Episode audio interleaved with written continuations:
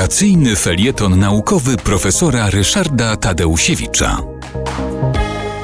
Były trzy czynniki, które powodowały, że nie mając właśnie szczególnych dodatkowych urządzeń, można było to ogromne w sumie, bo czasem nawet na kilkanaście tysięcy osób audytorium zaspokoić akustycznie. Pierwszą sprawą były maski aktorów. Greccy aktorzy występowali w maskach.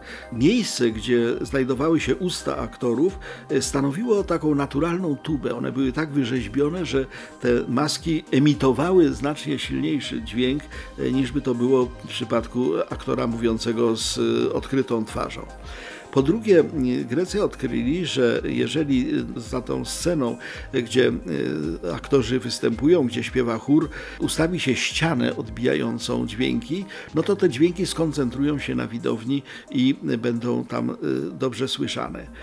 Kolejne rozwiązanie, które Grecy zastosowali intuicyjnie, ale opisał je potem bardzo dokładnie Vitruvius, który w 20 roku przed naszą erą napisał De Architecture Libri Decem, czyli 10 ksiąg o architekturze.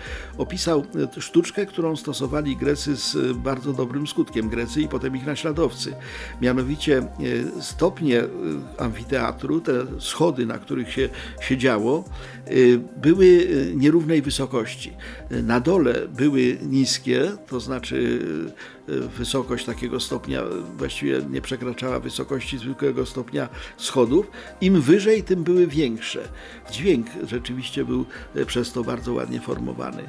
No i na koniec rzecz już zupełnie e, ciekawa.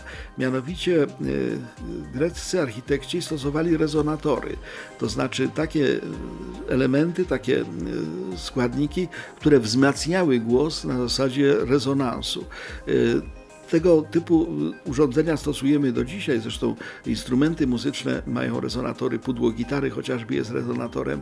Natomiast Grecy stosowali dzbany, odpowiedniej wielkości dzbany, yy, osadzone y, w taki sposób, że do tych dzbanów wpadał dźwięk idący ze sceny, wibrował tam w tym dzbanie i wychodził wzmocniony.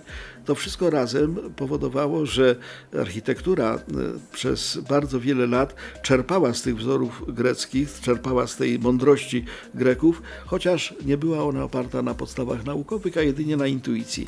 Ale intuicję to Grecy mieli naprawdę genialną.